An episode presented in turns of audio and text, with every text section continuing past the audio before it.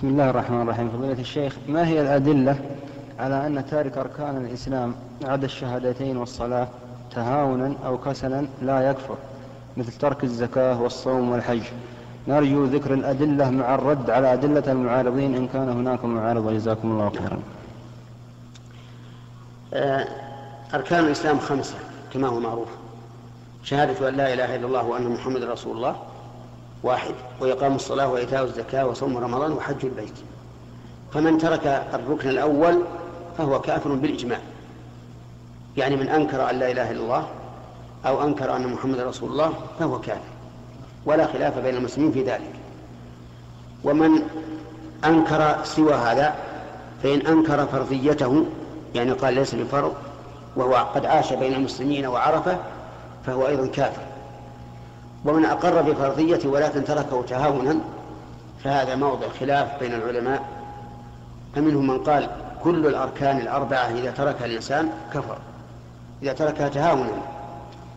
وهذا رواية عن الإمام أحمد رحمه الله. و ومنهم من قال لا يكفر بأي واحد منها أي من الأربعة حتى بالصلاة. ومنهم من قال إن ترك الصلاة تهاونا كفر وإلا وأما غيرها فلا يكفر. وهذا القول هو القول الوسط وهو الذي تؤيده الأدلة. دليل ذلك أن الله سبحانه وتعالى قرن الزكاة قرن الزكاة بالصلاة في مواضع كثيرة من القرآن.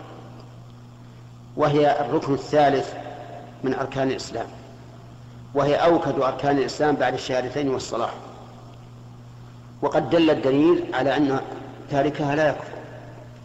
كما في صحيح مسلم عن أبي هريرة رضي الله عنه أن النبي صلى الله عليه وعلى آله وسلم قال ما من صاحب ذهب ولا فضة لا يؤدي منها حقها إلا إذا كان يوم القيامة صفحت له صفائح من نار وأحمي عليها في نار جهنم فيقوى بها جنبه وجبينه وظهره كلما بردت أعيدت في يوم كان مقداره خمسين ألف سنة حتى يقضى بين العباد ثم يرى سبيله إما إلى الجنة وإما إلى النار. وهذا يدل على أن تارك الزكاة الباخل بها لا يكفر. الدليل أو وجه الدلالة وهو يرى سبيله إما إلى الجنة وإما إلى النار. ولو كان يكفر لم يكن له سبيل إلى الجنة. فإذا كان لا يكفر بترك الصلاة بترك الزكاة فما دونها من باب أولى.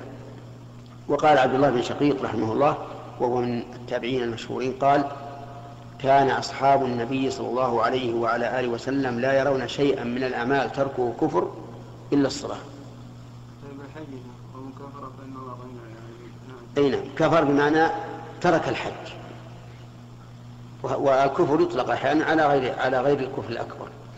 مثل قوله صلى الله عليه وسلم اثنتان في الناس هما بهم كفر. الطعن في النسب والنياح على الميت. No.